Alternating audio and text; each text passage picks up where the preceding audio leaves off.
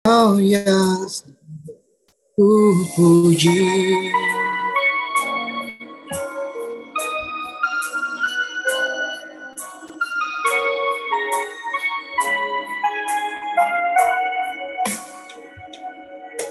Tuhan, kaulah pengharapanku.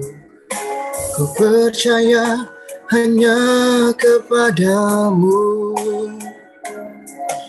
Yesus Allah perlindunganku Engkau yang selalu ku puji Mulutku penuh dengan pujian kepadamu ya Yesus Tuhan Sepanjang hari ku beri penghormatan kepadamu ya Allahku Mulutku penuh dengan pujian kepadamu ya Yesus Tuhan Sepanjang hari ku beri penghormatan kepadamu ya Allahku. Sama-sama kita puji dia. Haleluya.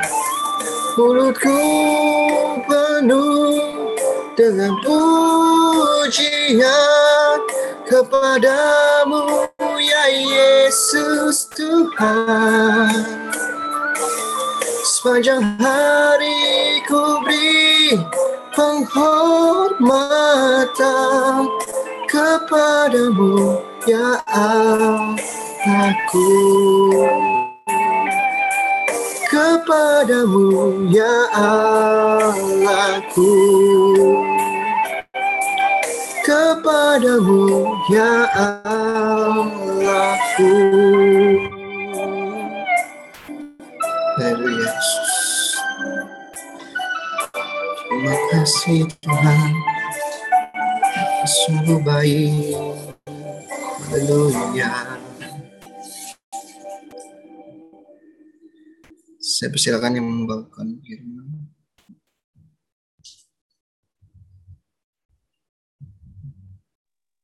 Oke, untuk firman Tuhan, sebelum firman Tuhan, mari kita sama-sama berdoa. Doa akan dipimpin oleh Ibu Tri. Mari teman-teman semua kita bersatu dalam doa. Terima kasih Tuhan Yesus, Tuhan yang baik. Pada malam hari ini Tuhan kami mengucap syukur atas penyertaan-Mu Tuhan, pimpinanmu, pertolongan-Mu Tuhan, dan kekuatan yang daripadamu hingga sampai hari ini Tuhan. Engkau masih mengizinkan kami semua Tuhan untuk berkumpul mengadakan GIC ini Tuhan guna memuji, memuliakan namamu dan belajar firman-Mu Tuhan. Berkati kami semua yang ada di dalam GIC ini Tuhan, urapi kami semua Bapa, kuasai hati dan pikiran kami Tuhan untuk bisa menerima firman-Mu Tuhan yang akan disampaikan dari hamba-Mu Tuhan. Sehingga firman-Mu itu Tuhan bisa tumbuh dan berbuah-buah lebat dalam hati kami dan menjadikan kekuatan kami untuk menjalani kehidupan ini Tuhan. Terima kasih ya Bapa, terpujilah namamu Yesus, hanya di dalam nama Tuhan Yesus Kristus kami sudah berdoa dan mengucap syukur. Haleluya. Amin.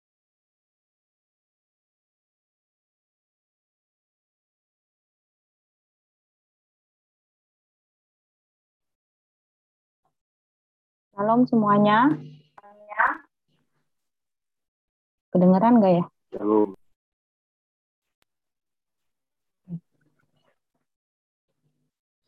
Puji nama Tuhan, Shalom semuanya. Uh, pada malam hari ini, Shalom. uh, saya diberikan kesempatan kembali untuk sama-sama kita belajar firman Tuhan uh, dengan judul Iman yang Sehat. Iman yang sehat itu bukan asumsi sendiri, tapi dibuktikan dengan spiritual check up. Penilai, penilaian iman yang sehat itu bukan dengan kuantitas dalam kurung banyaknya harta. Jadi iman yang sehat itu bukan diukur dari banyaknya berkat yang kita terima atau banyak apa uh, hidup kita itu enak atau enggak gitu tapi iman sehat itu dinilai dari kualitasnya atau uh, dalam kurung tidak terintimidasi oleh keadaan atau tidak dikuasai hawa nafsu. Iman yang sehat iman yang sehat itu pasti adalah iman yang kuat. Jadi iman yang bisa dilihat oleh orang lain. Kita uh, uh, kita harus punya tubuh jiwa dan roh yang sehat. Karena iman itu adalah sesuatu yang tidak kelihatan oleh mata jasmani kita. Iman itu juga adalah anugerah, sesuatu anugerah atau karunia dari Tuhan Yesus Kristus. Jadi iman itu adalah anugerah dari Allah sehingga kita bisa dan dimampukan mempercayai, pen, mempercayai penuh dan sungguh kepada Allah dan firman-Nya. Jadi eh, iman di sini adalah merupakan suatu pemberian Allah yang memampukan kita supaya kita boleh uh, apa ya uh, supaya kita percaya kepada Tuhan Yesus Kristus dan percaya penuh akan kuasanya bahwa sungguh-sungguh dia adalah Tuhan Yesus yang luar biasa dan firman-Nya itu iya dan amin. Di sini uh, ada ayat bacaan yang kita sama-sama akan baca bersama di Matius 7 ayat 22 sampai 27. Uh, saya bacakan uh, Matius 7 ayat 22 sampai 27 pada hari terakhir banyak orang akan berseru kepadaku kepadaku Tuhan Tuhan bukan bukankah kami berbuat demi namamu dan mengusir setan demi namamu dan mengadakan banyak mujizat demi namamu juga? Pada waktu itulah aku akan berterus terang kepada mereka dan berkata aku tidak pernah mengenal kamu. Nyala daripadaku kamu sekalian membuat kejahatan. Tiap orang yang mendengar perkataanku ini dan melakukannya, ia sama dengan orang yang bijaksana, yang mendirikan rumahnya di atas batu. Kemudian turunlah hujan dan datanglah banjir. Lalu angin melanda rumah itu, tetapi rumah itu tidak rubuh sehingga didirikan di atas batu. Tetapi setiap orang yang mendengar perkataanku ini dan tidak melakukannya, ia sama dengan orang yang bodoh, yang mendirikan rumahnya di atas pasir, Kemudian turunlah hujan dan datanglah banjir. Lalu angin melanda rumah itu sehingga rubuhlah rumah itu dan hebatlah kerusakannya.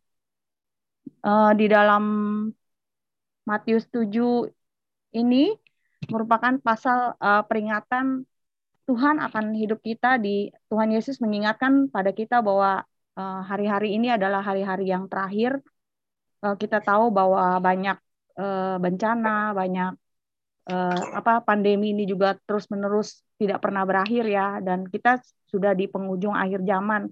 Dan Tuhan memperingatkan kita lewat ayat ini di Matius 7 bahwa pada akhir-akhir ini banyak orang tuh uh, yang bernubuat, berseru dan melakukan mujizat demi nama Tuhan Yesus. Tapi sebenarnya Tuhan itu uh, Tuhan tidak pernah mengenal di mereka gitu bahwa sering kali kita merasa sepertinya kita yang udah Kristen lama, kita yang udah mengenal Tuhan lama, kadang kita nyebut uh, demi nama Tuhan, kita berseru nama Tuhan, tapi sebenarnya iman kita uh, kita nggak pernah ngerasa gitu seperti iman kita itu uh, sehat atau enggak gitu.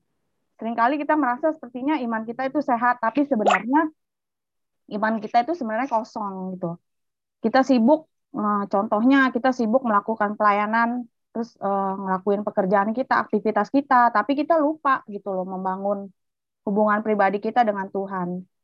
Contohnya mungkin di dalam Alkitab tuh seperti Maria dan Marta ya, ketika ada Tuhan Yesus, dia sibuk tuh melayani tuh Marta, sibuk melayani terus gitu, ke sana ke sini, ke sana ke sini, tapi uh, kita bisa lihat da, seperti Maria bahwa dia memilih bagian yang terbaik gitu. Dia dia juga selain melayani dia juga memilih bagian terbaik untuk mengisi rohnya, mengisi uh, apa ya tubuh jiwa rohnya itu untuk uh, mendengarkan firman Tuhan gitu, mendengarkan suara Tuhan, mengisi rohnya dengan puji-pujian dan firman Tuhan.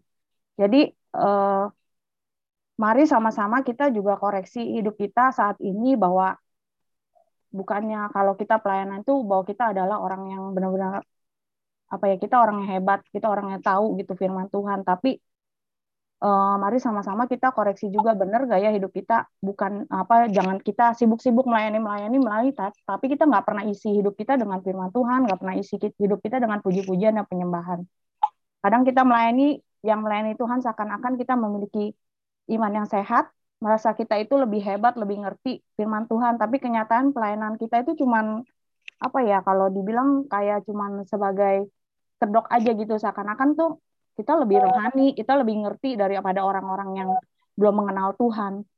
Sebenarnya di hadapan Tuhan itu kita sama aja dengan kayak orang bodoh gitu. Kita bernubuat, kita berseru melakukan mujizat atas nama Tuhan, tapi kita sendiri sebenarnya eh, nggak ngerti gitu apa maunya Tuhan gitu dalam hidup kita gitu. Iman kita tuh kosong. Jadi iman yang kita miliki itu tidak eh, harus kita isi dengan firman Tuhan dan puji-pujian dan penyembahan. Dan hidup kita harus uh, apa ya harus balance gitu melekat juga sama Tuhan gitu. Jadi bukan cuma kita melayani melayani melayani melayani tapi kita nggak pernah isi hidup kita dengan sesuatu yang daripada Tuhan gitu mendengarkan suara Tuhan. Di sini uh, firman Tuhan jangan sampai kita uh, melakukan hal seperti yang tadi saya sebutkan di atas gitu. Kita udah capek-capek melayani Tuhan, kita udah capek-capek jadi orang Kristen. Jangan sampai kita lu seperti ayat firman yang pernah ada ayat firman gitu. Jangan sampai kita yang terdahulu menjadi yang terkemudian sedangkan yang belakangan malah malah lebih lebih apa ya, lebih lebih duluan gitu loh diterima sama Tuhan Yesus gitu. Jangan sampai kita seperti nah, aku itu. juga. Kesimpulan iman berdasarkan analisa firman Tuhan. Yang pertama, uh, iman yang sama anak-anak. Ada yang? Kesimpulan iman berdasarkan analisa firman, iman yang sehat itu menyebabkan kita menikmati penyertaan Tuhan dan janji Tuhan di bumi dan di surga. Kemudian yang kedua, iman yang tidak sehat itu menyebabkan banyak mengalami persoalan karena tidak memiliki hikmat dan pengertian. Uh, di sini mungkin kalau dikorelasikan dengan ayat firman Tuhan yang tadi di Matius 7 ayat uh, yang ayat ke-24 ya Pi ya. Mana ya tunggu. Uh, oh ini.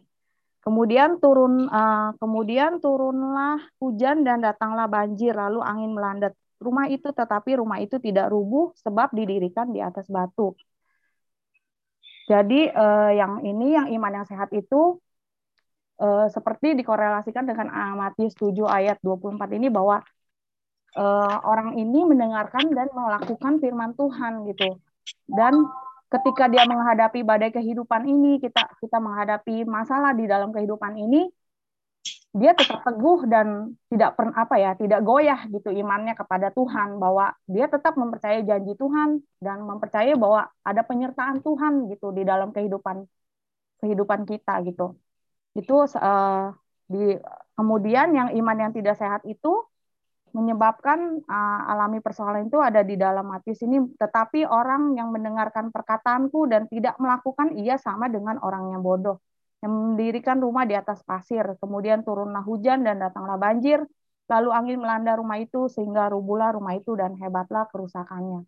Jadi di sini mungkin dikorelasikan di ayat ini di Matius 7 ayat 27, tetapi eh, sama dengan iman yang tidak sehat itu adalah iman yang eh, kosong gitu, iman yang tidak melakukan perbuatan yang baik itu yang sesuai dengan firman Tuhan sehingga ketika kita menjalani kehidupan ini kita mengalami persoalan, kita nggak pernah apa ya belajar mengandalkan Tuhan gitu. Jadi banyak istilahnya kita uh, hidup itu seradak seruduk gitu loh. Nggak nggak ikutin arahnya maunya Tuhan tuh ke mana gitu. Nggak mau ikutin kehendak Tuhan tuh dari mana gitu. Padahal sebenarnya kita tahu firman Tuhan sebenarnya cuman kadang kita tuh ngandelin kekuatan kita sendiri. Jadi sama kita seperti orang yang bodoh gitu mendirikan rumahnya di atas pasir. Ketika mengalami persoalan kita tuh nggak percaya bahwa Tuhan tuh sanggup gitu. Jadi imannya goyah gitu, khawatir gitu dalam hidupnya. Jadi mari sama-sama kita memiliki iman yang sehat yang eh, dan mau melakukan firman Tuhan gitu.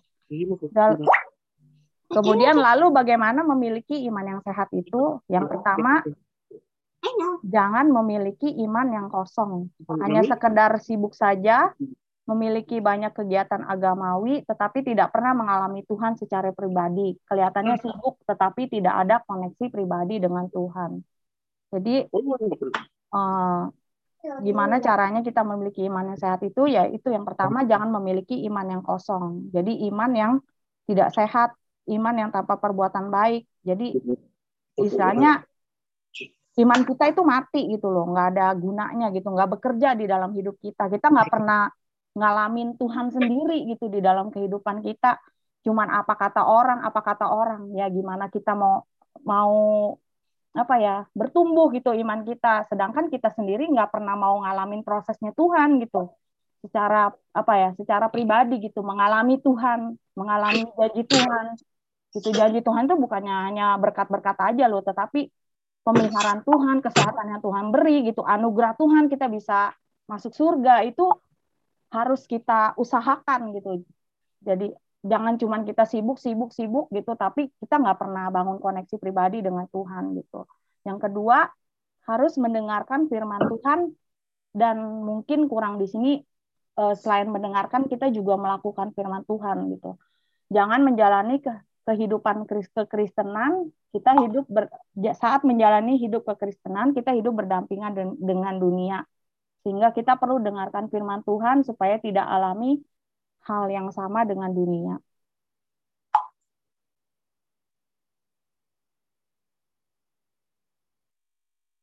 Yang ketiga, eh, jangan malas, jangan menjadi orang Kristen yang malas, jangan serius untuk hal-hal yang fana, tetapi fokus untuk yang supranatural. Maka dari itu kita harus bekerja keras, menundukkan kedagingan kita kepada Tuhan. Jadi kita jadi orang Kristen juga jangan jadi orang Kristen yang malas gitu, tapi kita jadi orang Kristen yang rajin, bukan hanya rajin untuk hal-hal yang duniawi gitu, untuk hal-hal yang duniawi aja kita serius banget gitu ya. Kadang-kadang kita sampai ngelupain Tuhan gitu, jujur aja gitu.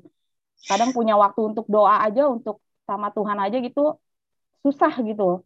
Jadi untuk hal yang duniawi aja kita serius gitu. Mari kita sama-sama juga serius juga untuk uh, apa ya?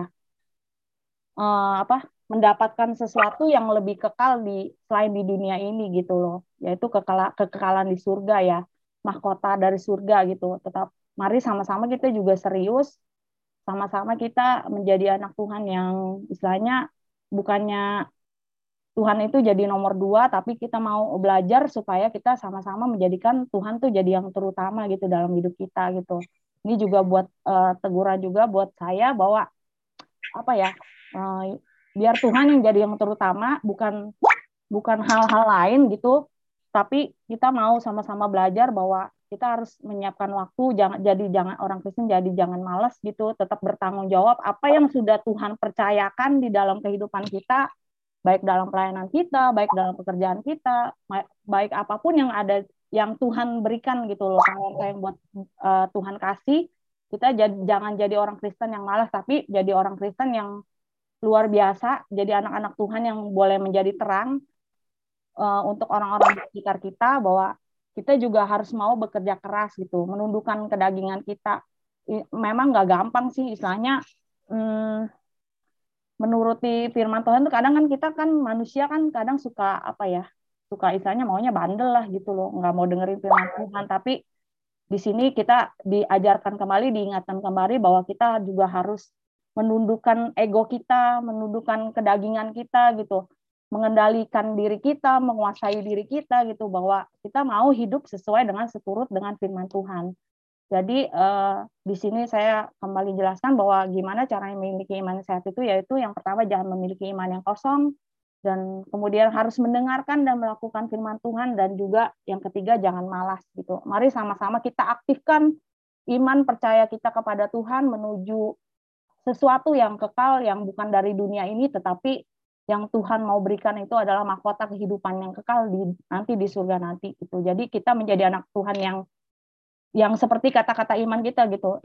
Anak Tuhan yang penuh dengan kemuliaan Tuhan hidup dalam kekudusan sukses di dunia dan masuk surga.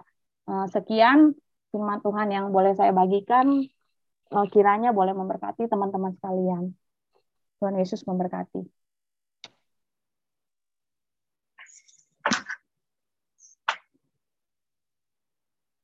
Amin. Oh ya, mari sama-sama kita berdoa. Tuhan Yesus, terima kasih buat malam hari ini. Kami sudah diingatkan kembali dan kami boleh sama-sama belajar bahwa kami mau menjadi anak-anak Tuhan yang mau melakukan dan mengaktifkan iman kami kembali bahwa uh, hidup kami uh, bukanlah kami lagi, tetapi ada Engkau di dalam hidup kami, Tuhan, dan mampukan kami untuk kami boleh melakukan dan mendengarkan mendengarkan dan melakukan firman Tuhan di dalam kehidupan kami sehari-hari dan sehingga kami boleh dibedakan menjadi anak-anak terang, anak-anak yang boleh menjadi dampak bagi orang di sekitar kami. Juga kami juga mau belajar dan mau bekerja keras mengendalikan uh, keinginan daging kami bahwa kami mau sama-sama uh, mendapatkan mahkota yang kekal menjadi anak-anak Tuhan yang luar biasa, hidup di dalam kekudusan sukses di dunia dan masuk surga. Kami percaya Tuhan, pada malam hari ini kami boleh diberkati dan kami nanti akan sharing. Kau juga pimpin, kau sertai supaya kami sama-sama saling memberkati, saling membangun kehidupan kami, supaya kami boleh memiliki iman yang kuat dan iman yang teguh di dalam Tuhan, sehingga kami percaya kami boleh menjadi anak-anak Tuhan yang luar biasa Tuhan. Terima kasih Bapak, kami mengucap syukur buat malam hari ini hanya di dalam nama Tuhan Yesus. Haleluya. Amin. Amin. Oke, terima kasih buat sharingnya. Terima kasih juga udah ditutup dengan doa. Kita akan memulai sharing, teman-teman. Uh, apa yang didapatkan dari ini intisari dari khotbah ya, khotbah hari Minggu oleh Pak Gembala tentang iman yang sehat. Iman yang sehat tadi ada tiga cirinya supaya tidak kita punya iman tidak sakit, jangan punya iman yang kosong. Artinya kita hanya sibuk dengan perkara-perkara rohani, tapi kita melupakan esensinya ya. Eh, yang kedua tadi dikatakan kita harus dan perlu bukan hanya menjadi pendengar, tapi kita juga melakukan firman. Ya banyak ya orang Kristen sekarang tuh pinter ya, kalau disuruh disuruh apa? Disuruh nembak-nembakin ya atau ayat Alkitab tuh kadang-kadang suka suka bilang apa ya ke orang lain gitu ya. Kamu harus mengampuni gitu. Tapi giliran kita suruh ngampunin belum tentu jago gitu. Ya jadi gampang nyuruhnya gampang ngafalinnya gampang nembakin orang dengan ayat. Tapi mari hari ini kita belajar kalau kita mau punya iman yang sehat kita harus mendengarkan firman. Ya semua firman itu selalu punya uh, sisi di dua sisi ya jadi untuk kita dan untuk orang lain. Tapi kita mulai dari di, diri kita dulu. Kemudian yang ketiga tadi apa? Jangan malas ya. Jadi uh, kita jangan merasa pinter jangan merasa cukup jangan merasa hebat ketika kita mungkin dalam level sekarang. Jadi saya nggak tahu ya itu dalam dalam level apa pun kadang kita kekristenan itu seperti uh, layaknya kita mendaki gunung. Ya jadi apa pun level di mana kita saat sekarang ini berada, jangan kita merasa puas gitu. Kadang kita kan, oh kita udah di setengahnya nih mungkin kayak Castle Charlton itu mungkin udah di tengah-tengahnya ya. Kalau gunung tinggi itu udah di tengah-tengah. Ya kalau dia merasa puas, ya udah tetap nggak nyampe ke atas. Atau mungkin kayak Pak Henry gitu, wah saya saya baru nih, wah lama nih, tapi saya lumayan lah katanya, bisa mulai gitu ya intinya jangan kita semua posisinya dalam pengiringan dengan pada Tuhan jangan pernah merasa puas jangan merasa cukup jangan merasa enough gitu. Ya kita terus lakukan yang terbaik gitu. Selama Tuhan istilahnya kan ada lagu ya hidup itu adalah kesempatan. Itu aja. Mungkin uh, teman-teman bisa berbagi atau mungkin mau bertanya juga boleh. Ada Pastor Charlton ada Pastor Paulus tapi mungkin saya kasih kesempatan untuk teman-teman berbagi dulu. Uh, yang terakhir tadi barusan bergabung, Kosanto mungkin mau berbagi. Jagoannya udah pulang. Kosanto. Kosanto. Pasti udah kangen kan sama saya. Bisa dianggap. Salam. Suara saya jelas. Halo. Jelas. Oh, jelas. Mungkin mana ya? Saya juga Maaf ya saya agak telat tadi baru sampai rumah langsung mandi. Nggak apa-apa. Tadi hambanya sudah berikan jangan ya kemarin juga minggu Bapak juga sudah menyampaikan isi firman ini. Lalu bagaimana memiliki iman yang sehat itu? Jangan memiliki iman yang kosong. Harus mau mendengarkan firman Tuhan. Dan satu lagi jangan malas. Saya agak agak kesulitan nih kadang-kadang dengan bukan kerja ya. Uh, gimana sih ya caranya? Aduh bingung saya juga ya. Kalau kayak mungkin saya kesaksian sedikit ketika saya dinas luar ke Bandung kemarin. Saya harus menyelesaikan pekerjaan saya di hari Minggu. Padahal hari Minggu itu kan bagi kita itu adalah hari Sabat yang hari penting untuk melayani Tuhan gitu, untuk beribadah. Nah, yang jadi kendala saya itu mungkin di pekerjaan ya ketika sibuk itu.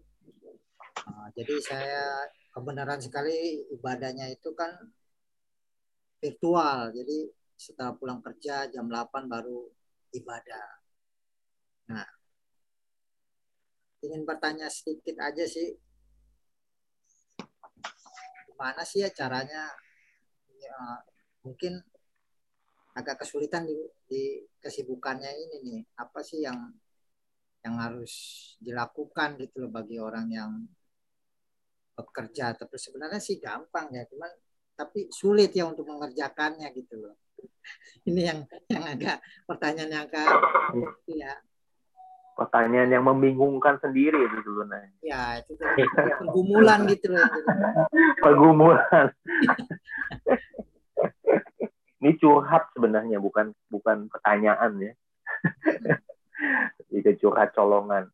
Oke, jadi uh, mungkin kesibukan ya yang tadi bisa dikatakan Kosanto mungkin gimana sih caranya uh, memprioritaskan Tuhan tapi uh, Pak Santo kan ada tanggung jawab pekerjaan kebetulan tadi mengharuskan hari Minggu di mana hari beliau beribadah tapi harus bekerja gitu ya Pak Santo ya kira-kira pertanyaannya gitu. Oke mungkin Pastor Charlton mungkin bisa membantu Ya, ini tidak tangan ya menjawab pertanyaan-pertanyaan ya, yang ya. Uh, uh, saya kangen sekali dengan Pak Santo. Kasih saya. Iya. Uh, memang ini pertanyaan klasik Pak Santo, pertanyaan klasik bagi semua orang yang struggle dengan pekerjaannya. Uh, apalagi kalau kita berbicara mengenai dunia pekerjaan, uh, apalagi kalau dulu uh, engineering ya, engineering itu kan nggak ada nggak ada apa, nggak ada kalender merah, semuanya hitam. Tapi saya percaya Tuhan kita itu tidak hanya pemilik langit dan bumi ya, dia itu juga pemilik pekerjaan kita juga gitu. Jadi kalau menurut saya solusinya itu curhat dengan tulus sama Tuhan, Pak. Gitu. Ada satu uh, satu kalimat baik bilang begini, when you decide the universe conspire to make it happen gitu. Kalau Bapak sudah memutuskan bahwa saya nggak mau kerja hari Minggu, ngomong sama Tuhanmu, nanti Tuhan akan buat alam semesta itu mengerjakan keinginanmu, Pak. Gitu. When you decide the universe conspire to make it happen. Itu saya aminkan itu, Pak. Jadi waktu Bapak mengambil keputusan yakin 100% bahwa engkau ingin mendedikasikan hidupmu 100% hari Minggu hanya untuk pelayanan dan Tuhan saja, Tuhan akan lembutkan hati dari bosmu, Pak. Gitu. Saya jadi teringat dengan satu kalimat dalam firman Tuhan yang berkata, maka Tuhan mengeraskan hati Firaun, Pak. Berarti logika saya berpikir begini, kalau Tuhan bisa mengeraskan hati Firaun, Tuhan bisa melembutkan hati Firaun sebenarnya. Gitu. Jadi dalam konteks iman Bapak ingin bekerja bebas 1 sampai 7, eh, 1 sampai 6, tujuhnya libur ya ngomong sama pemilik pekerjaanmu ya namanya Tuhan Yesus. Gitu sih, Pak. Karena kita berbicaranya kan di level iman, Pak Santo. Gitu, Pak Santo. Jadi karena tadi ada tambahan bahasa-bahasa yang planet gitu ya, mungkin supaya Pak Santo ini intinya saat sekarang ini dikerjakan ya dengan baik ya dengan penuh tanggung jawab dan dedikasi tentunya Pak Presiden Charlton tidak menyarankan untuk Bapak bolos ataupun skip tapi dikerjakan dengan baik. Tapi sambil dikerjakan dengan baik tentunya Ngadu. seperti tadi yang Charlton bilang kita tetap berdoa sama Tuhan bahwa kita punya keinginan dan kerinduan Tuhan Yesus kalau boleh. Kalau boleh kan kita kan curhat kan gitu kan curhat sama Tuhan juga boleh. Kalau Betul. boleh saya bekerja Senin sampai Sabtu saja. Kalau boleh Minggu jangan saya diganggu sama pekerjaan saya. Kalau boleh loh Tuhan ya masa sih kalau kayak kita minta sama papa kita sama orang tua kita kalau kita ngomong kalau boleh dia kan pasti dengar gitu. satu saat yang seperti Pastor Charlton bilang, satu saat nanti pasti Tuhan sanggup melembutkan hati atasan Bapak. Jadi sebenarnya ini conspiring atau in, eh, apa berkonspirasi dengan Tuhan untuk eh, sesuatu hal yang baik gitu ya. Artinya kan kita punya iman, kita gunakan iman atau kita aktifasi iman, kita minta sesuatu bukan sesuatu yang yang jahat gitu, untuk sesuatu yang baik. Kita akan gunakan waktu itu kan untuk eh, Tuhan juga gitu, bukan Tuhan saya mau kalau bisa eh, apa Senin sampai Sa- Sabtu libur saya mi- kerjanya Minggu aja. Nah, itu kan salah gitu. Itu kan enggak kita terbalik ya gitu ya Pak Santo. Jadi jawabannya cukup cukup apa cukup tidak menjelimet bisa diterima Pak Santo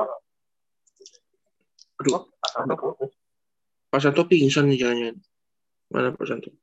waduh Wah. kita udah ngomong kita udah ngomong panjang Kita ngomong panjang lebar, dia pingsan. Nah, Pak Santo nanti lihat rekamannya aja. Nih? Gawat ini Aduh, kacau udah udah pakai Pelanggaran ini kan kartu merah ini. Mo- mohon maaf.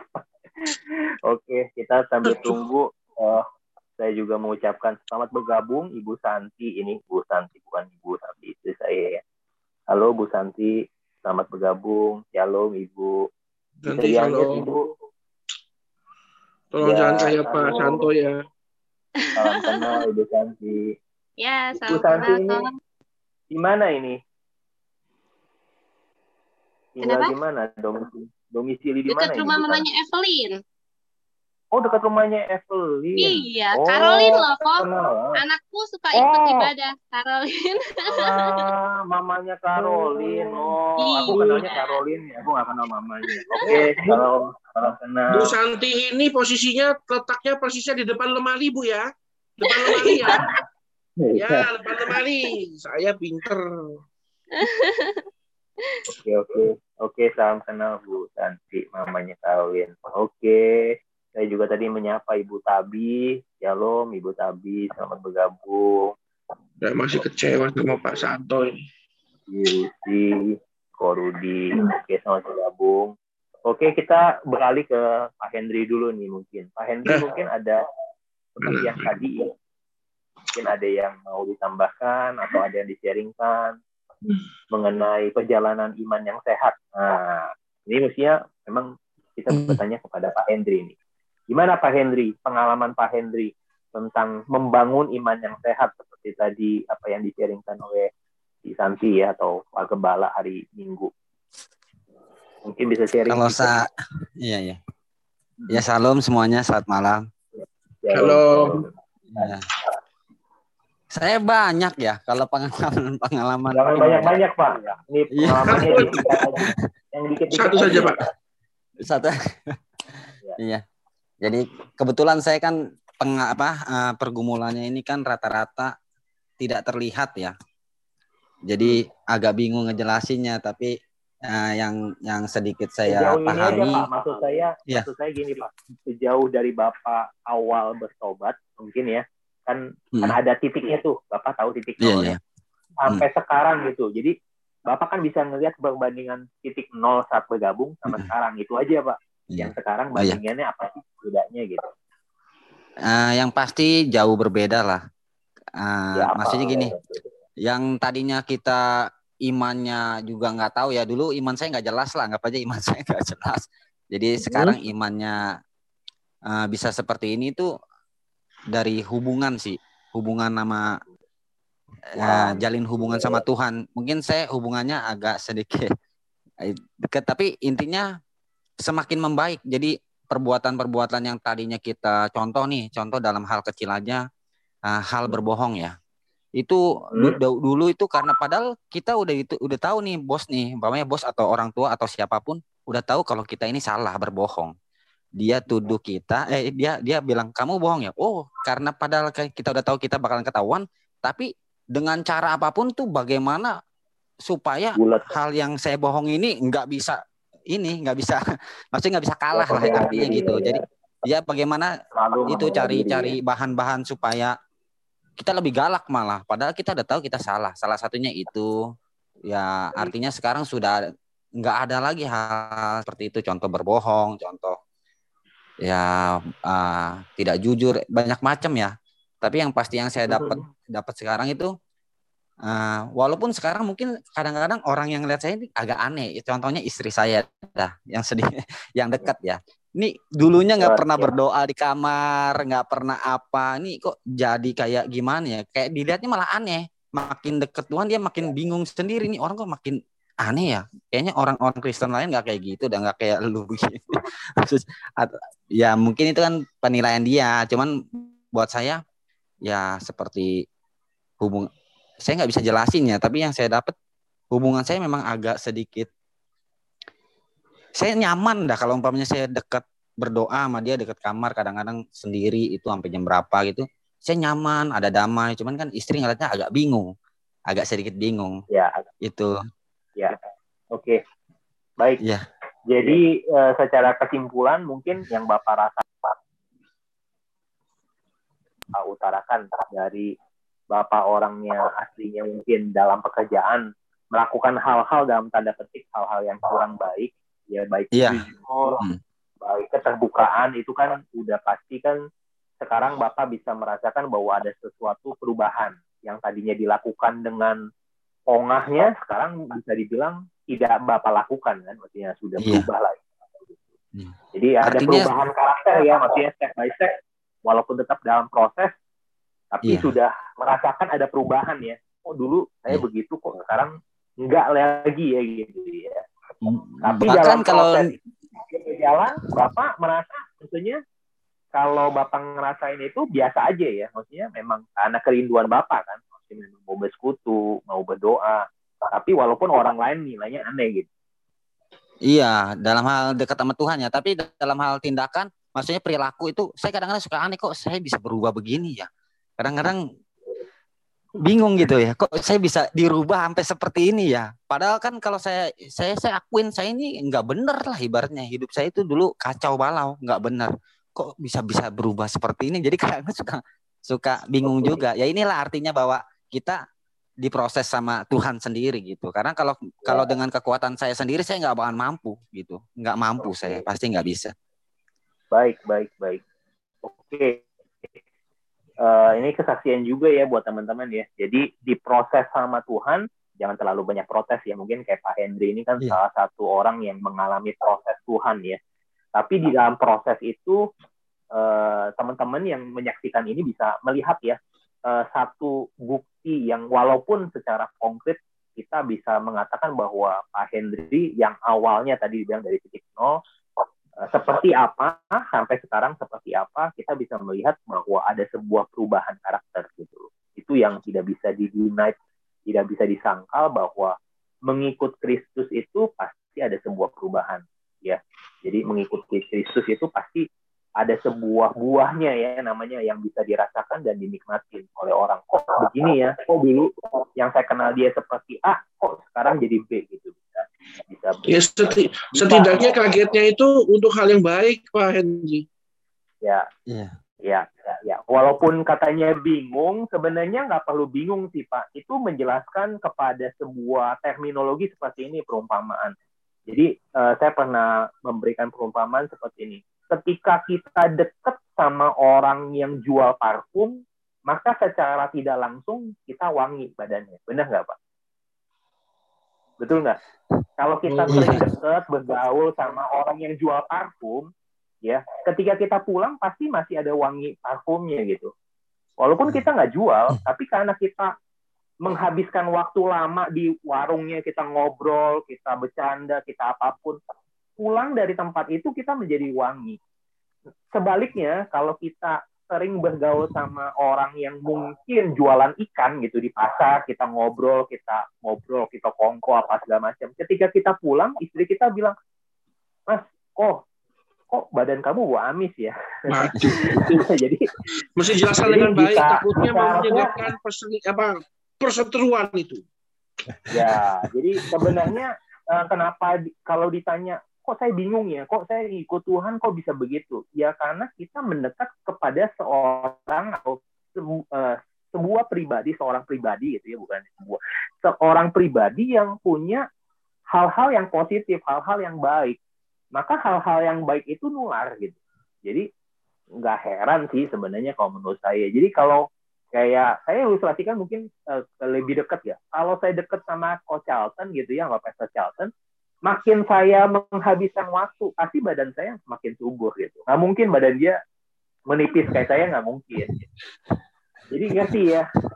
Kalau Masih- saya ikut kalau kasih- itu, Kalau udah. kasih contoh mungkin konsepnya jangan gitu. Konsepnya mungkin kita perlu rubah sedikit untuk PIC. Iya iya iya. Ya, coba dibetulin coba.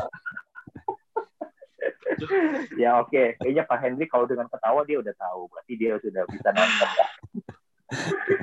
Oh itu ada. Pak Santo, Pak Santo sudah balik. Pak Santo, eh tadi Pak Santo udah balik. Pak Santo tadi sudah dijelaskan panjang lebar, tapi Pak Santo saya yang keluar. Pak Santo tinggalkan saya pas lagi sayang-sayangnya. Mana tuh?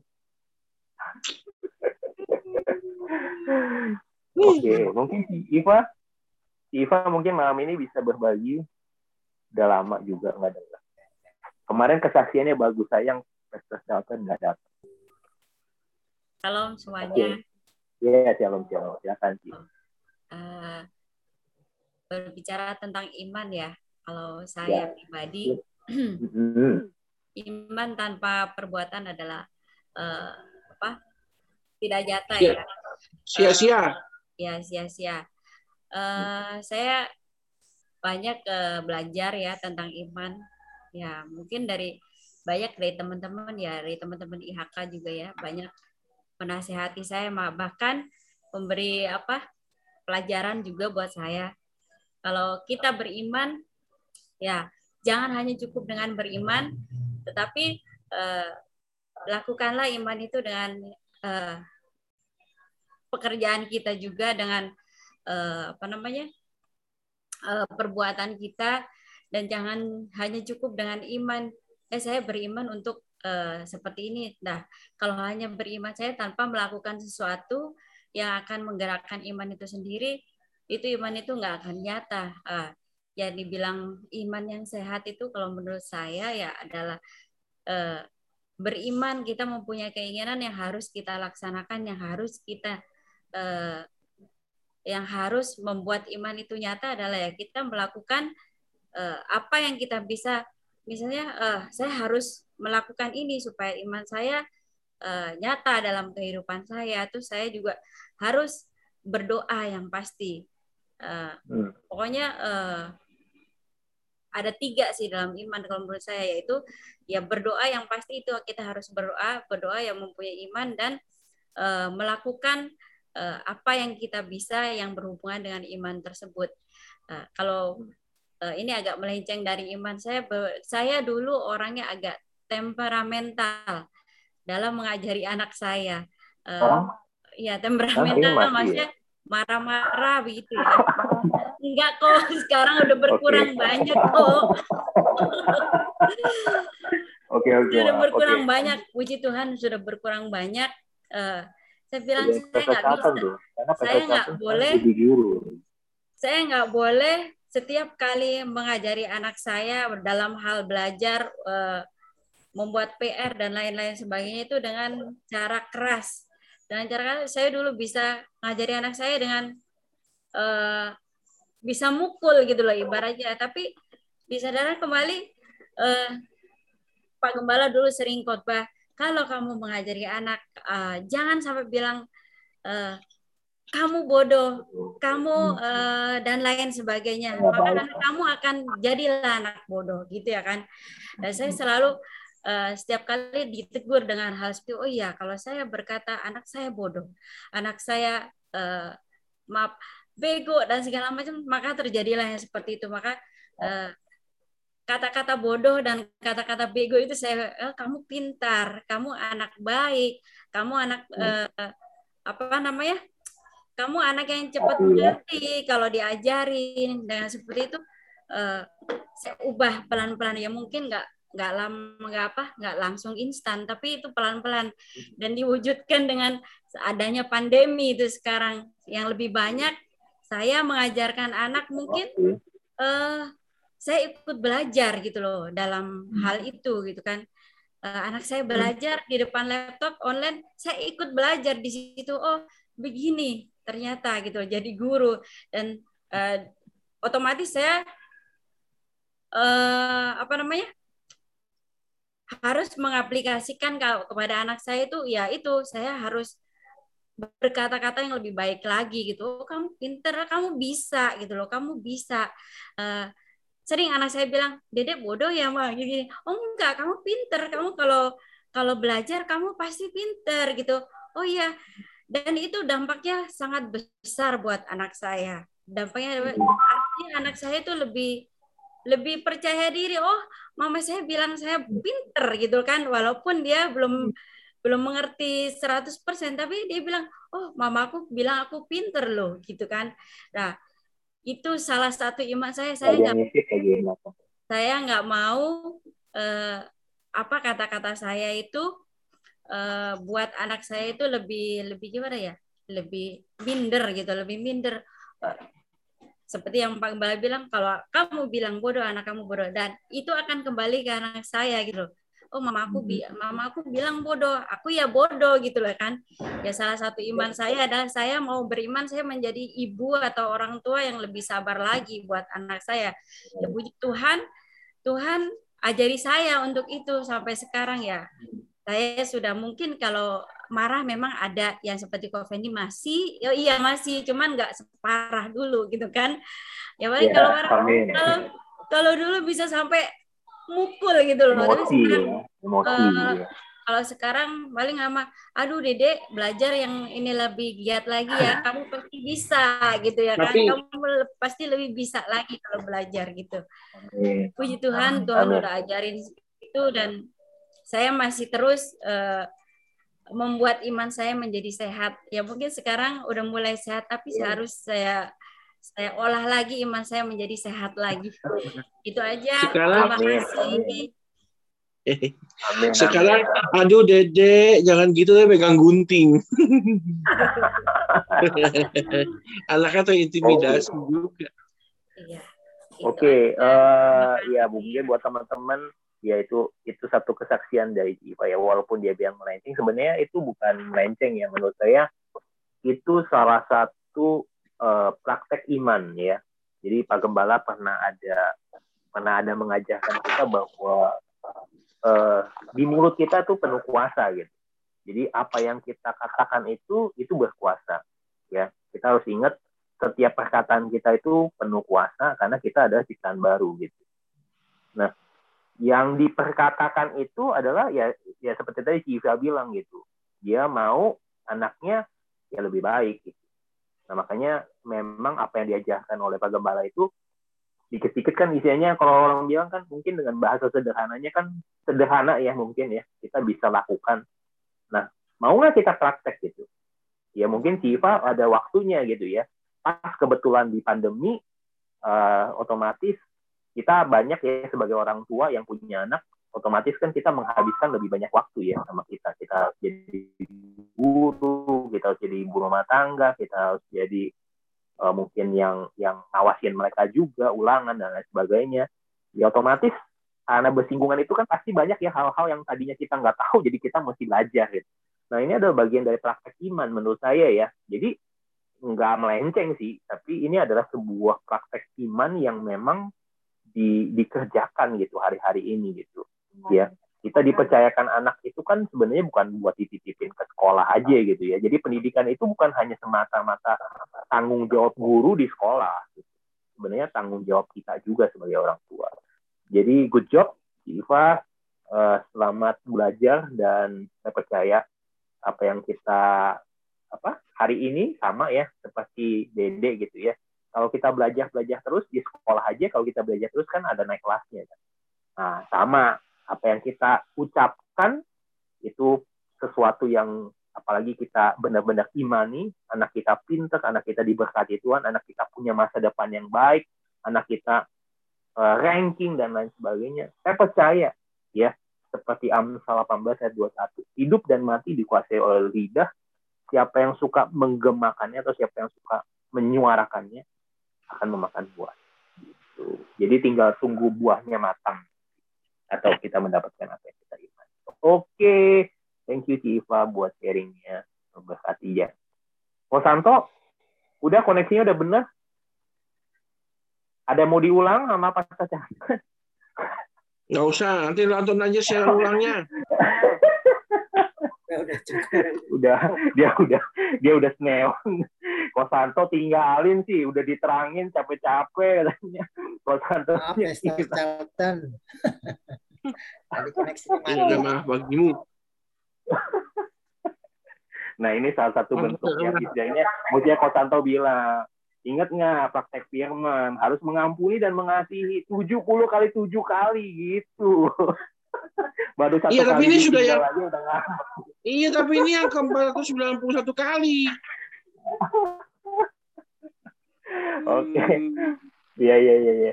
Saya beralih ke Bu Tri dulu deh. Bu Tri ada cerita ya kan Bu Tri dari sini Pastor Rudi nih. Nanti kok Charlton aja Rudi, yang persiap, Pastor Rudi Ya, persiapkan Bu Tri, dirimu. silakan.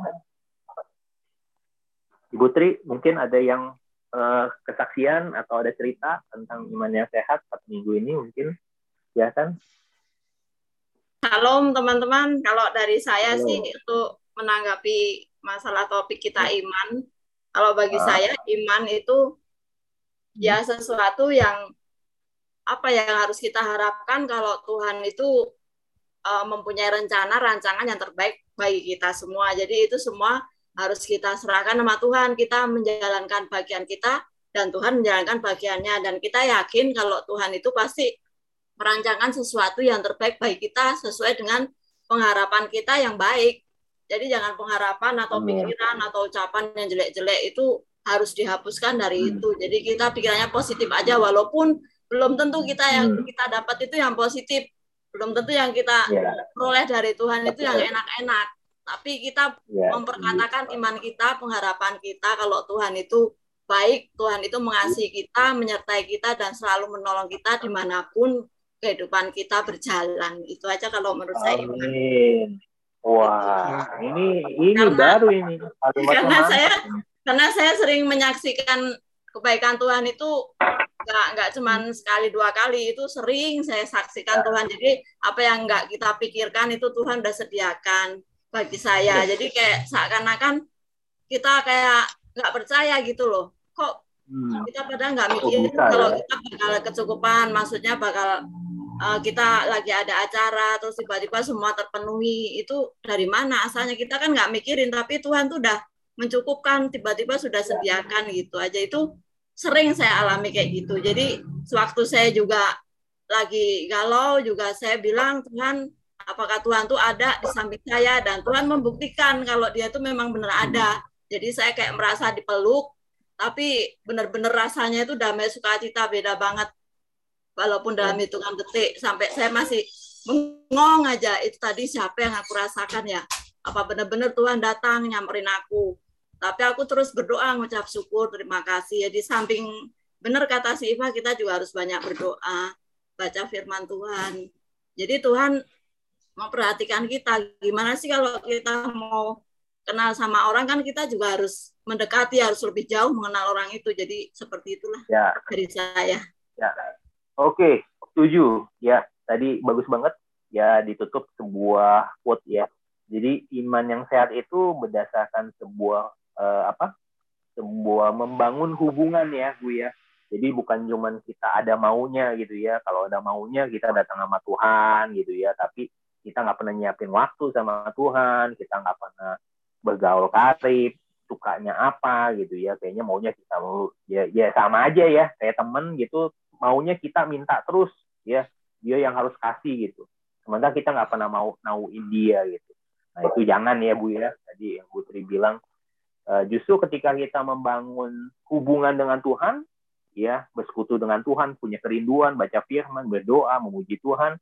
Justru seperti tadi Ibu Tri bilang gitu ya, nggak diminta, eh kadang-kadang kita sampai bingung, kok Tuhan udah siapin ya gitu ya. Ada aja ya cara Tuhan ya Bu ya, ajaib ya.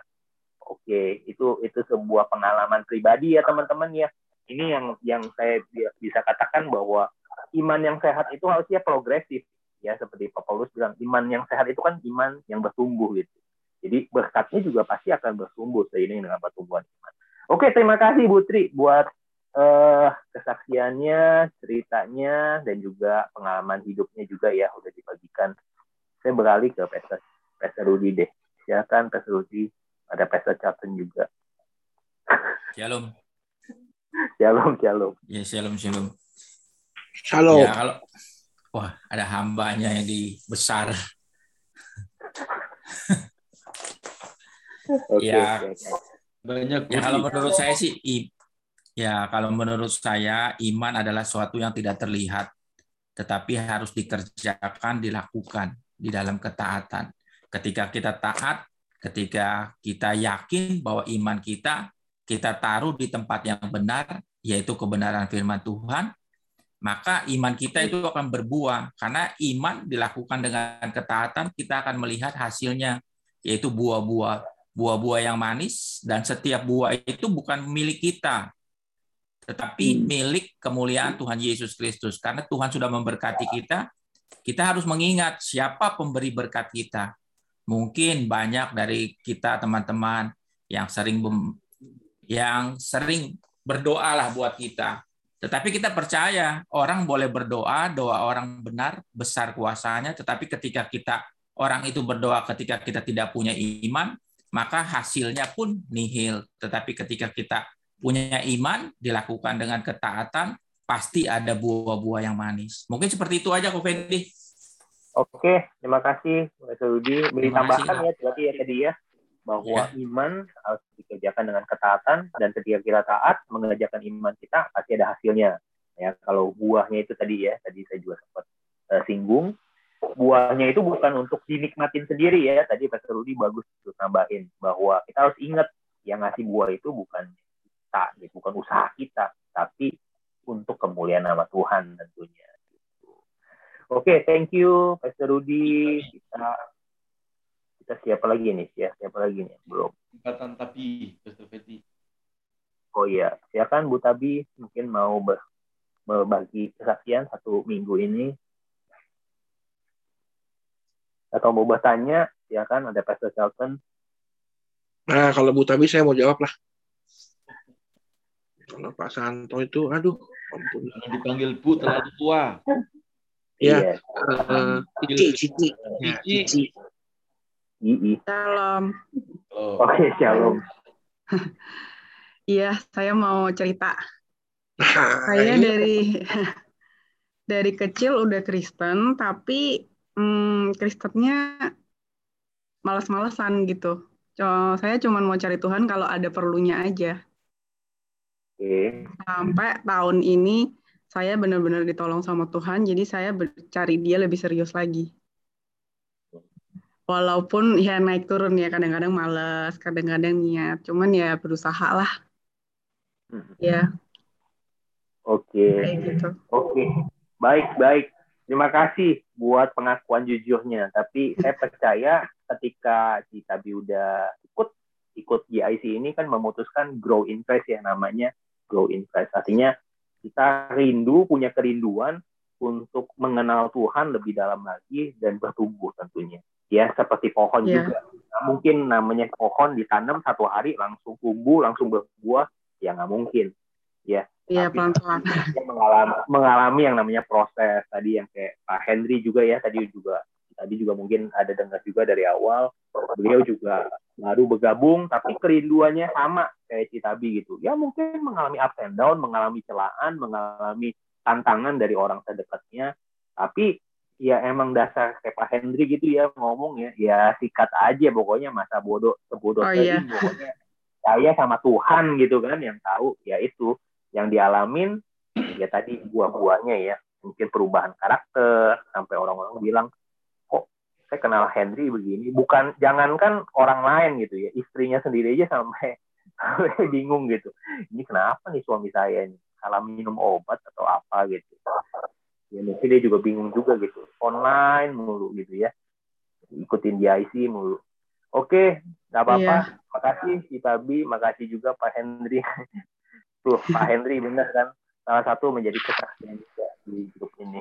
Oke saya lanjut dulu ini ada Bu, Bu Marcel nih Bu Lucy juga boleh Bu Lucy Cilusi ya kan Cilusi yang kemarin menghabiskan waktu lima jam nih Hai, shalom. Shalom. Oh, sinyal di sini yang kurang bagus. Halo? Ya. Ya. Halo? Ya, Cilusi. Aduh, sama juga. Aduh, ditinggal pas lagi sayang-sayang. Bener ini. Bu, Bu Gembel, bagaimana Bu Gem? Ya, silakan Bu Gem. Hadir. Ya, gimana Bu Gem? Ya, sharingnya kalau mengenai iman, buat saya iman itu sebuah proses dan perjalanan. Jadi, kalau saya melihat selama saya jadi orang Kristen, ada orang Kristen yang dulunya pertamanya itu hebat, tapi sesudah belakangan dia menjadi meninggalkan Tuhan. Tapi ada juga yang saya lihat orang yang dulunya bukan siapa-siapa dan belakangan dia lebih cinta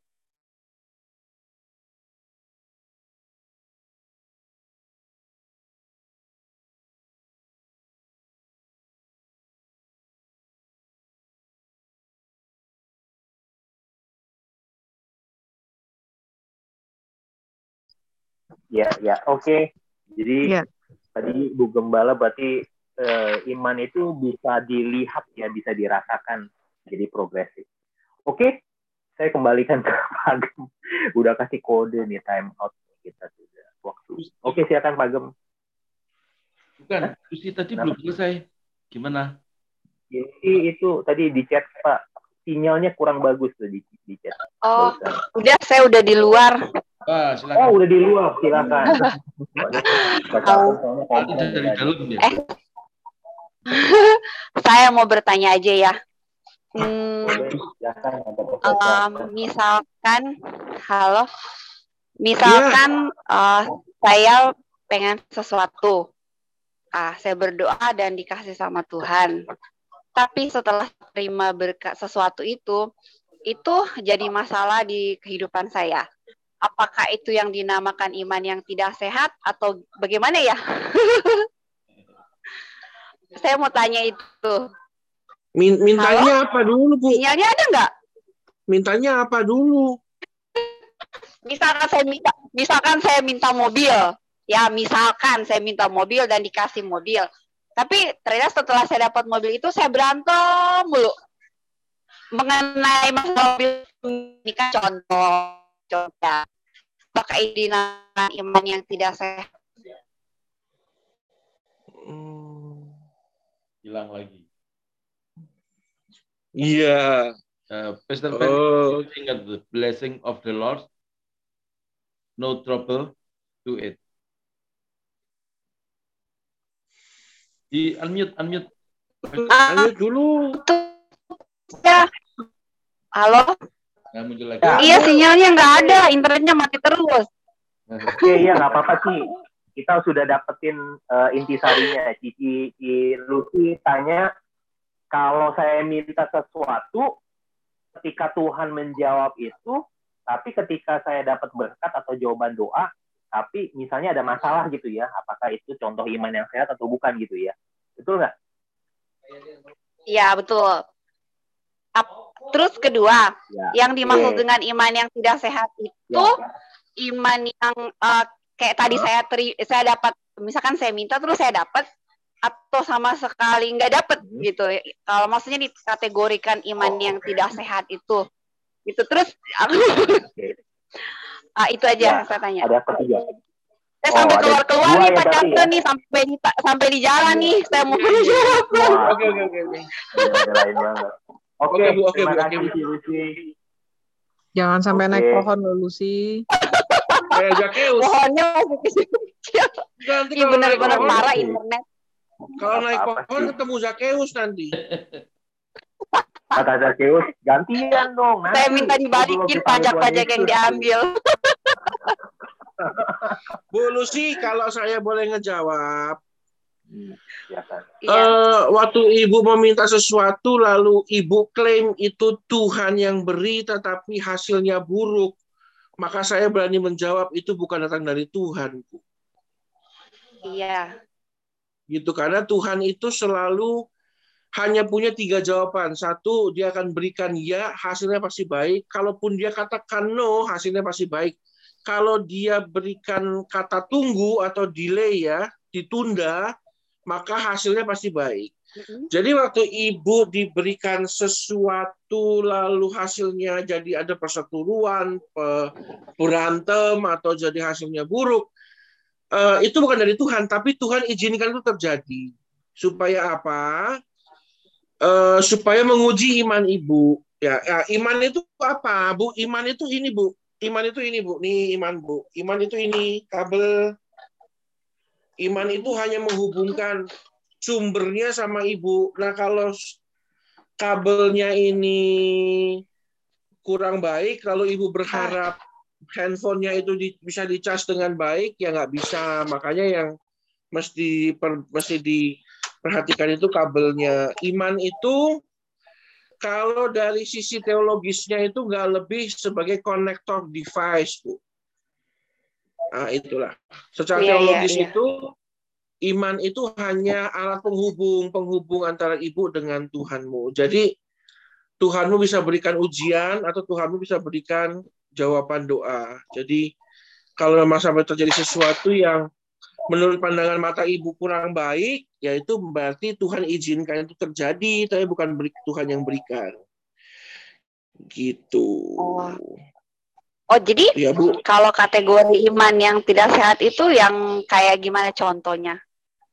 Iman yang tidak sehat itu ibu uh, ibu mendapatkan tidak apa yang ibu uh, ibu mendapatkan apa yang bukan terbaik dari Tuhan. Itu iman yang nggak sehat. Oh. Kalau menurut saya begitu. Ibu udah colok nih. Gitu? bawa bawa colokan. Ibu nyolok lima jam nggak penuh-penuh. Berarti kan ibu nggak mendapatkan yang terbaik dari kapasitas kabel itu. Nah itu oh. bukan berarti bukan berarti listriknya nggak bagus kan? Listriknya penuh, voltasenya oke, okay, tapi ibu nyampe nya nggak full.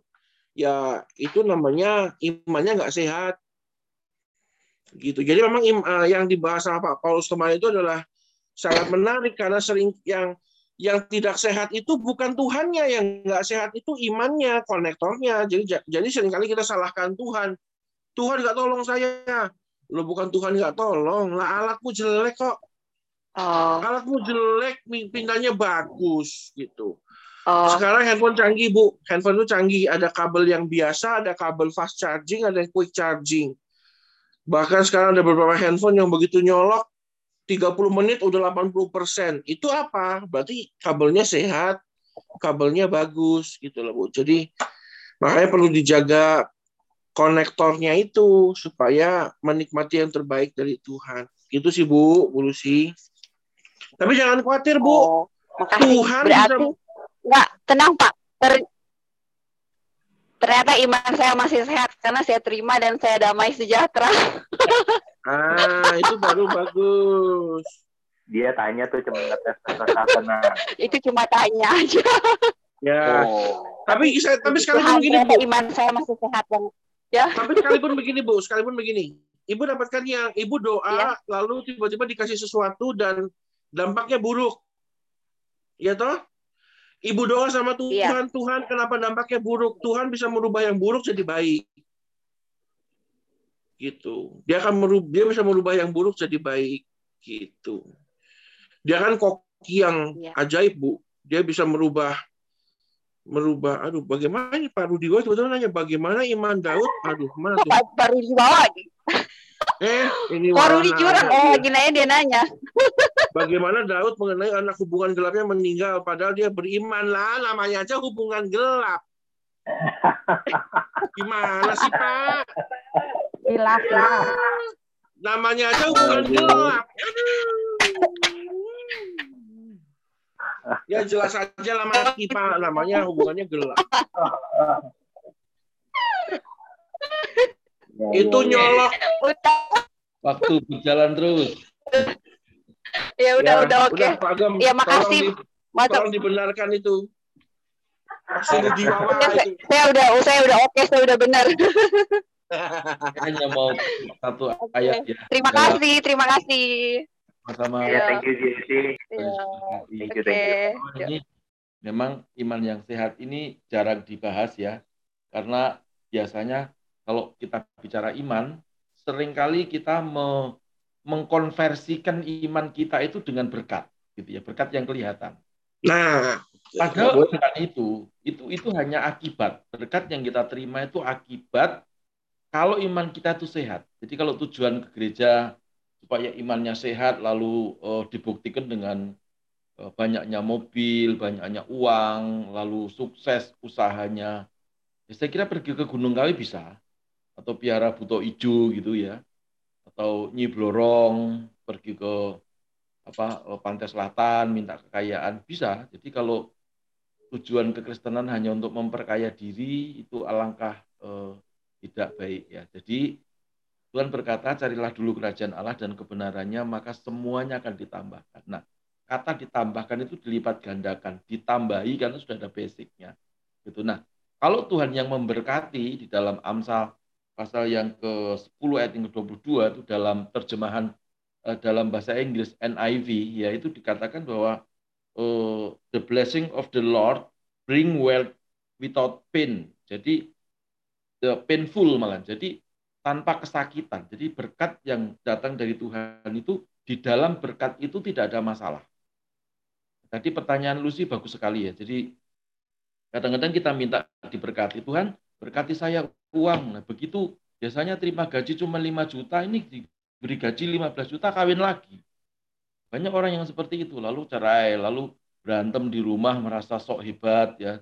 Jadi imannya itu hanya ditunjukkan, dimanifestasikan dengan eh, hal-hal yang lahiriah. Kalau kekristenan itu bicara dengan yang lahiriah saja, eh, dan nanti kehilangan surga, gitu. Karena surga itu tidak kelihatan. Surga itu eh, hati, ya waktu kita di dunia kita bisa merasakan namanya suasana surga. Nah, waktu kita tinggalkan dunia, kita bisa ada di tempat itu yang sementara sekarang kita belum bisa melihat, ya. Tapi kita mengimani. Jadi eh, kemarin waktunya tidak cukup ya karena ibadah kita hanya satu jam dan saya harap nanti minggu besok juga kalau yang sudah eh, vaksin dua kali ya dan sehat ya datang aja ke gereja gitu ya. Kalau belum vaksin yang kedua kali ya saya kira jangan dulu gitu. Nah, eh, kembali kepada iman, iman yang sehat. Iman yang sehat itu iman yang dimulai dari spirit. Ya, iman yang dimulai dari batin. Sebab banyak sekali ajaran-ajaran apa pun di dunia ini selalu mengajarkan dari luar ke dalam. Salah satu contoh misalnya mau sembahyang, mau doa, itu menyucikan tubuhnya, terus eh, menjaga hidupnya. Jadi mau masuk surga harus berbuat baik supaya nanti eh, ada timbangan baik dan timbangan buruknya itu seimbang atau yang berat itu yang baiknya, lalu yang ringannya yang eh, perbuatan yang jahatnya yang ringan atau sebaliknya. iman bukan seperti itu. Iman itu seperti Pastor Charlton tadi berkata, alat yang diberikan Tuhan sebagai konektor yang mengkoneksi apa eh, Tuhan berikan kepada kita untuk menghubungkan kita dengan pribadi Tuhan secara spirit gitu ya. Secara spirit. Maka saya ingatkan kemarin di akhir daripada khotbah saya, saya mengutip eh, kata-katanya Pastor Adi Sutanto, beliau bilang bahwa jangan kita serius dengan hal-hal yang eh, fana, ya, tapi mari kita fokus kepada hal-hal yang supranatural, ya. Iman itu supranatural, tapi bisa dinikmati kalau kita ngerti caranya. Itu tadi seperti tiga, tiga hal tadi ya. Jadi salah satunya jangan malas, yang paling akhir ini. Jangan malas berdoa, jangan malas baca firman, jangan malas mengampuni, jangan malas untuk uh, menyalipkan kedagingan. Sebab banyak orang ya, begitu sukses itu lupa daratan. Begitu semua tuh kalau bisa dibeli. Seluruh dunia ini harganya berapa? Tak beli. Jakarta berapa ditimbang kalau perlu. Solo berapa, Semarang berapa dibeli, ya lalu sombong. Nah kalau itu tidak layak, jadi tidak akan mendapatkan apa yang diharapkan Tuhan. Ya, jadi sekali lagi ukurannya bukan karena keberhasilan duniawi. Kalau ukurannya keberhasilan keberhasilan duniawi, Rasul Paulus matinya disalib, ya kepalanya ditaruh di bawah, maksudnya dibalik gitu ya. Lalu Petrus ditimpukin batu, apa namanya? Paulus ditimpukin batu, ya kapalnya terombang-ambing ya dan dalam apa oh, ditafsirkan bahwa Rasul Paulus itu tidak menikah tapi Petrus juga waktu menikah lalu dia tinggalkan keluarganya dan khusus melayani Tuhan. Jadi ukurannya bukan itu tapi ukurannya itu adalah eh, ketika kita merasakan sesuatu dari Tuhan, spirit kita kuat, sehat, nah baru yang lain-lain itu ngikuti gitu ya. Damai sejahtera, Eh, berkat, saudara minta apa pun dari Tuhan, termasuk Lucy kayak tadi ya, minta mobil. Kalau Tuhan sudah berikan mobil, damai sejahtera. Minta uang, justru jangan bertengkar dengan hasil berkat itu lalu ini punya aku, ini punya aku, ini punya aku, ini punya aku. Ingat ya di dalam cerita Alkitab yang Bapak punya dua anak itu ya. Yang anaknya yang bungsu minggat itu lalu balik lagi ya lalu dipestakan dikembalikan kekayaannya si sulung marah ya. Si sulung marah ya. Karena sebetulnya si sulung tidak punya iman. Si sulung itu jadi tamu di rumah ayahnya. Tapi eh, si bungsu ini orang punya iman ya tidak apa-apa lah aku tak pulang aja daripada aku miskin eh, kayak begini nih saya pulang aja di rumah bapakku banyak karyawan-karyawannya kok aku tidak apa-apa jadi karyawan ini imannya iman hanya jadi karyawan tapi dia mendapatkan anugerah. Ya. Iman itu bicara anugerah. Makanya iman itu bagian daripada karunia, namanya karunia iman. Karunia itu kita tidak bisa upayakan dengan kemampuan kita sendiri. Nah si anak bungsu ini balik lagi dipeluk bapaknya, direstitusi, ya dikembalikan kedudukannya. Dan walaupun begitu anak bungsu, uh, anak sulung ngamuk-ngamuk, dia tidak mau masuk ke pesta, malah protes. Bapaknya ngomong apa? sebetulnya milik bapak itu juga milikmu, milikmu, milik bapak. Nah ini anak anak sulung yang tadi, yang Matius 22 tadi ya, sudah bernubuat demi namamu, mengusir setan demi namamu. Tapi Tuhan berkata, aku tidak kenal kamu. Nah ini bapaknya, anaknya tidak mengenal bapaknya. Bapaknya juga tidak mengenal anaknya. Yang bapak mau itu, anak itu mengenal bapaknya. Ya milik bapak, milik anak, milik anak, milik bapak. Itu iman itu iman yang tahapan yang lebih tinggi lagi. Tapi pengertian iman yang sehat itu dulu. Nanti Pastor Charlton minggu besok akan khotbah lebih uh, tajam lagi ya. Iman itu dikupas dari sisi spirit. Ya kekristenan itu mengalahkan setan, kekristenan mengalahkan kedagingan yang dulu tukang ngamuk sekarang nggak ngamuk kayak Henry ya. Yang dulu kurang ajar bejat sekarang sudah dipulihkan Tuhan itu iman tapi kalau yang dulu bejat sekarang bejat, yang dulu nggak punya sopan santun sekarang tambah parah, nah itu itu amrin itu bukan iman. Ya, itu yang iman yang sakit gitu. Ya Kristen tapi Tuhan bilang aku tidak kenal kamu. Mendirikan rumah di atas pasir. Sama-sama persoalannya. Persoalannya apa? Badai. Persoalannya apa? Banjir. Persoalannya apa? Hujan lebat. Ya, tapi hasil akhirnya beda. Yang iman sehat tegak tertata. Yang iman tidak sehat hancur luluh lantak ya. Di itu teman-teman. Jadi sekali lagi mari kita serius dengan hal-hal yang rohani ya. Jangan kita silau dengan harta duniawi. Harta dunia itu akan Tuhan berikan kok sesuai dengan kapasitas kita masing-masing. Ya, jadi eh, itu Tabita, mana Tabita? Masih ada. Coba ditampilkan wajahmu. Itu adiknya tadi pagi, tadi malam itu WA saya, ya. Halo Tabita, coba tampilkan. Tadi kamu ke rumah sakit ya? Iya. Tika, ya? Iya. Malam itu WA saya, saya sudah tidur. Tadi pagi baru saya respon, habis melahirkan adiknya tidak bisa jalan. Ya. Lalu saya berdoa tadi pagi, jangankan jalan, duduk pun tidak bisa. Kaki hanya bisa digerakkan tapi nggak bisa dipakai jalan ya. Duduk pun tidak bisa, tapi saya berkata dengan iman dalam nama Yesus berdoa dalam nama Yesus. Nah, sekarang bukan hanya duduk, lari pun bisa. Ya, jadi itu seperti itu iman. Ya betul ya, tapi tak sudah bisa jalan kan? Ini belum dicek lagi. Jadi waktu saya samperin sih masih kesakitan ya. Ya kesakitan sedikit, tapi kan artinya eh, tidak tidak sampai terkulai kayak, kayak semalaman gitu ya. Duduk Enggak. bisa gitu. Nah, iman itu seperti itu berproses, lalu ada kuasa di dalamnya, ada mujizat, ya ada kelepasan, ya ada pertobatan, nah itu iman gitu ya. Itu itu dulu yang diupayakan. Nanti yang baik-baik itu ngikutin perkara uang. Nah, kalau kita takut kehilangan uang malah malah malah malah nggak dapat uang. Kehilangan apa namanya rumah ya malah nggak dapat rumah. Takut gimana ini ya? Makanya tadi eh, Pak Santo tadi bilang ya, gimana ngatur waktu. Orang pinter itu bukan hanya pinter IQ Pak Santo, tapi juga pinter ngatur waktu. Jadi memanage waktu. Nah, saya dengan istri saya sering saya ngomong, kita harus memiliki nilai jangan memiliki harga saja. Dulu saya semenjak saya eh, kerja saya selalu bilang, jangan ganggu saya di hari Minggu. Karena hari Minggu itu hari di mana saya beribadah. Sampai bos saya ya di PT Bux Pharmaceutical Indonesia ya, itu perusahaan Jerman. Itu nggak berani ganggu saya di hari Minggu. Dan itu nilai saya sampai hari ini. Sehingga di mana-mana di perusahaan farmasi nggak ada berani orang ganggu saya di hari Minggu itu harinya Paulus beribadah. Dari pagi sampai sore nggak bisa diganggu. Nah itu nilai. Ya, itu nilai. Samping tadi Pak Charlton mengarahkan berdoa, ya memang gitu. Tapi mari kita punya nilai, jangan punya harga.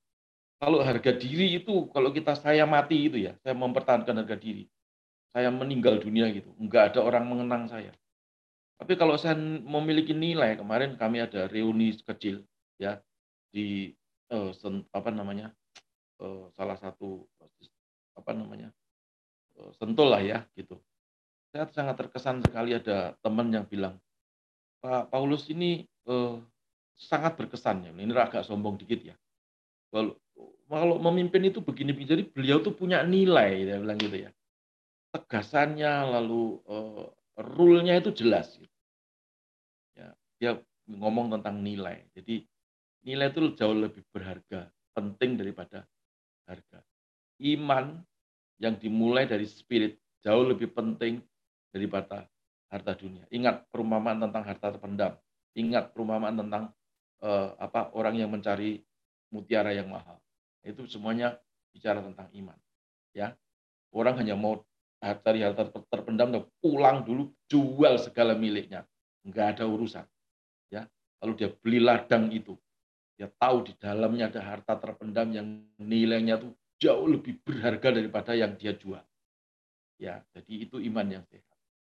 Iman yang sehat, iman yang radikal, tetapi bukan ngawur. Gitu ya. Nanti Pastor Charlton harus jelaskan dari minggu besok. Ya, saya kira itu saja dan saya himbau eh, besok minggu teman-teman yang mau ibadah ya tidak usah dipublikasikan ya kita kita dulu aja dan jangan membawa anak kecil, tetap ikuti uh, prokes dengan baik, tidak usah pakai salaman, tidak usah banyak ngobrol, ya pulang dari gereja segera pulang, datang ke gereja langsung duduk, ya, dan pakai lindungi peduli, harus uh, scan, ya, check in, pulang check out, itu supaya kami kalau ada apa-apa tracingnya lebih cepat, begitu. gitu ya. Pandemi belum selesai, ini baru eh, bagus ya perbaikannya, tapi belum selesai. Tadi saya dengarkan Radio El Sinta di warning dari pemerintah juga jangan kita eh, ber apa berlupa diri lalu meninggalkan semua. Kita tetap harus punya iman, iman yang sehat, iman yang tegak tercacak. Ukurannya sekali lagi saya ulang-ulang supaya nggak lupa, ukurannya jangan hanya di, di, dilihat dari banyaknya uangmu, banyaknya hartamu, banyaknya itu nanti, tapi bagaimana kita mengalami hal-hal yang spirit. Itu dulu. Ya. Kalau ini sudah, yang lain itu gampang. Tuhan akan berkati. Ya, Nabi Elia itu tidur aja dikirimi makanan sama burung gagak. Ya. Luar biasa kan? Itu kan pemeliharaan Tuhan. Ya di Sungai Kerit itu, ya. Sampai seperti itu.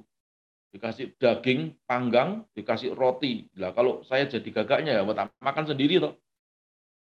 Nah, tapi kan namanya Tuhan itu kan bisa memakai segala macam. Kalau punya iman dia seperti itu. Ya. Dimulai hari ini mari kita pertahankan iman kita ya dan jangan terpengaruh dengan dunia suami istri dengar juga ya masuk surga itu tidak bisa bonceng aku nunut ya bonceng tidak bisa sendiri-sendiri walaupun dua menjadi satu tapi urusan surga sendiri-sendiri. Mau berubah tidak mau berubah urusan sendiri-sendiri. Makanya harus saling menguatkan di dalam keluarga ya. Satu lupa satu diingatkan. Ya kalau diingatkan jangan tanduknya keluar. Wah ya. Itu imannya nggak sehat.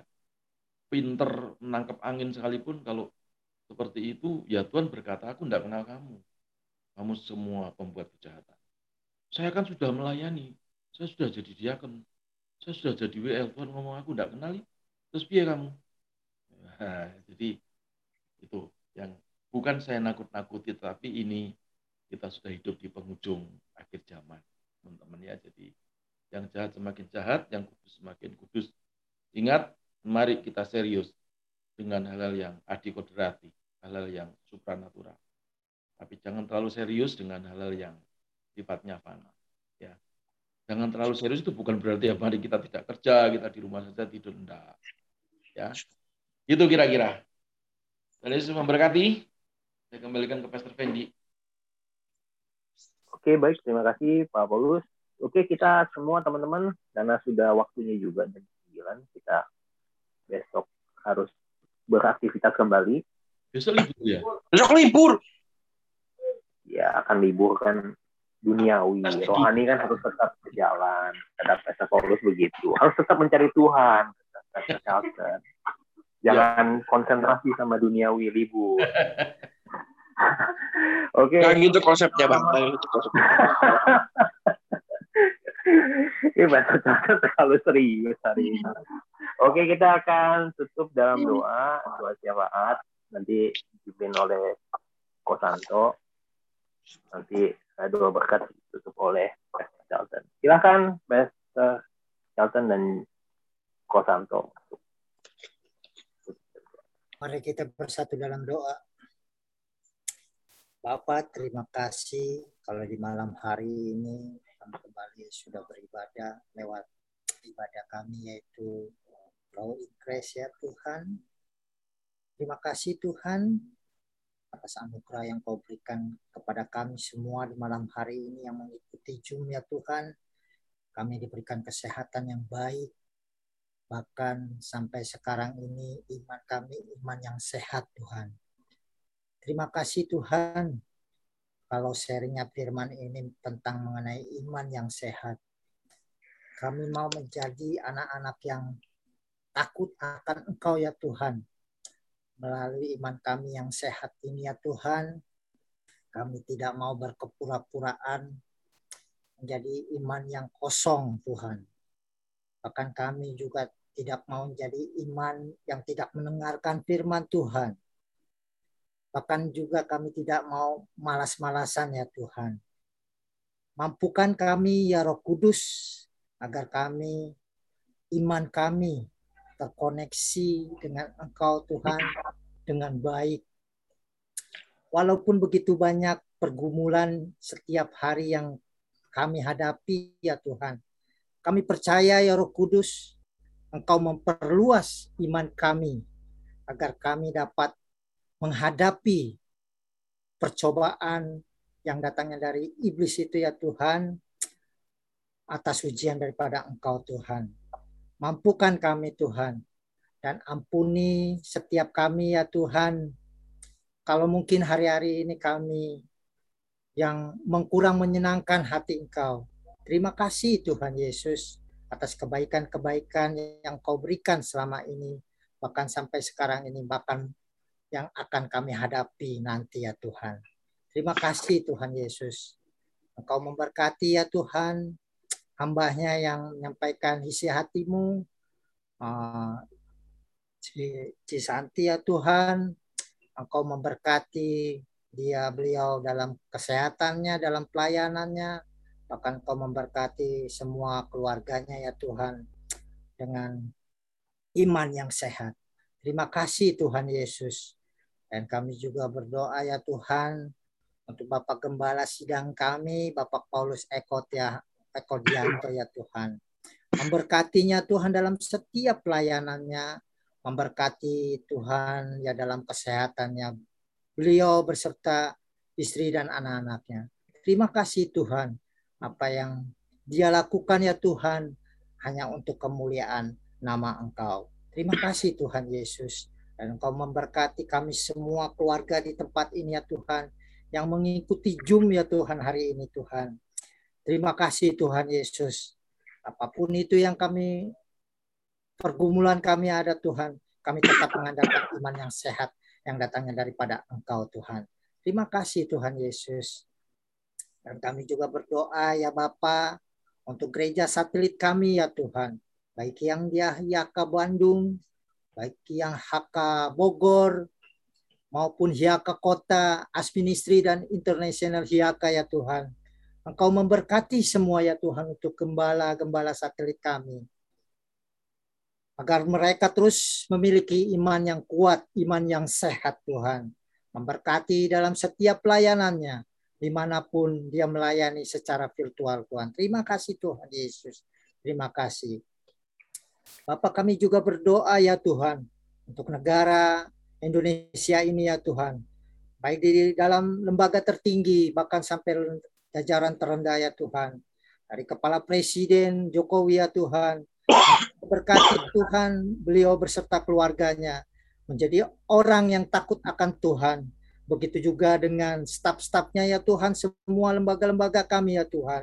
Akan menjadi anak-anak yang takut akan Engkau Tuhan. Sehingga negara kami menjadi negara yang selalu penuh damai. Walaupun dalam masa-masa krisis ini Tuhan, di dalam pandemi ya Tuhan, semakin hari semakin membaik ya Tuhan. Kami percaya ada Tuhan di tengah-tengah negara kami ini ya Tuhan. Terima kasih Tuhan Yesus. Dan sebelum kami berpisah Tuhan di dalam ibadah ini Tuhan, terima kasih atas semua yang kami pelajari malam ini Tuhan lewat hamba-hambanya Tuhan. Terima kasih. Sebelum kami meninggalkan dalam virtual ini ya Tuhan, kami juga akan berkata-kata iman. Mari angkat tangan kanan tinggi-tinggi di atas kepala. Ucapkan dengan penuh iman. Di dalam nama Tuhan Yesus 1, 2, 3. Saya percaya saya, saya dengan Tuhan. Yang penuh dengan kemuliaan Tuhan, hidup dalam kekudusan, sukses di dunia. Saya percaya saya, adalah Tuhan. yang penuh dengan kemuliaan Tuhan, hidup dalam kekudusan, sukses di dunia, dan masuk saya percaya saya Tuhan yang penuh dengan kemuliaan. Hidup dalam kekudusan, sukses dunia, dan masuk surga. Terima kasih Tuhan Yesus. Apa yang kami katakan ini Tuhan, kami percaya dengan iman kami, iman yang tertuju kepada Tuhan Yesus Kristus. Sebab firman-Mu berkata ya dan amin. Terima kasih Tuhan Yesus. Dan sebelum kami akan meninggalkan ini ya Tuhan, kami akan menerima doa berkat yang datangnya daripada Tuhan Yesus lewat hambanya. Dalam Tuhan Yesus. Ya Tuhan kami mengucap syukur untuk semua yang sudah memberikan kesaksian. Untuk Bu Iva, untuk Pak Hendri, untuk Ibu Gembala kami, untuk Bu Lucy, untuk Bu Tabi, untuk Putri, untuk uh, semua yang sudah berkontribusi termasuk juga untuk Pastor Fendi yang sudah memimpin acara ini dengan baik. Kami percaya hidup Tuhan, hidup hidup mereka di dalam pimpinan Tuhan dan sebelum kami kembali ke kehidupan kami masing-masing, uh, kami kami mengangkat tangan kami ya Tuhan, kami minta berkat yang melimpah daripada Allah Bapa dicurahkan dalam hidup kami semua persekutuan kami yang manis bersama dengan Allah Roh Kudus, kasih penyertaan yang sepenuhnya pada Tuhan kami Yesus Kristus, menyertai hidup kami mulai dari hari ini sampai saatnya Tuhan datang menjemput kami di awan yang permai. Mari kita semuanya sedang diberkati Tuhan, bersama-sama kita katakan, Amin. Tuhan berkati semuanya. teman-teman. Berkati semua. God bless. Tuhan berkati. God bless you. Tuhan berkati. Salam ya Kak. Salam buat anakmu. Salam semua Pak. Oke Pak Santo, salam buat semua keluarga di tiga raksasa. Mantap. Tiga raksasa, tiga raksasa. Eh, itu siapa anaknya Santi? Siapa namanya itu? Halo. Halo. Halo. Oh, tidur jam segini. Belum, Pak. Jam berapa? Malam ya? Oh, malam dia jam 11. Waduh. Tidurnya malam. Eh, Anakmu Makasih berapa? ya, Pak. Aku live ya. Oke. Kenapa, Pak? Anakmu berapa? Ya. Dua. Dua. Oh iya iya. Iya. Oke. Iya, Terus makasih, ya. Pak.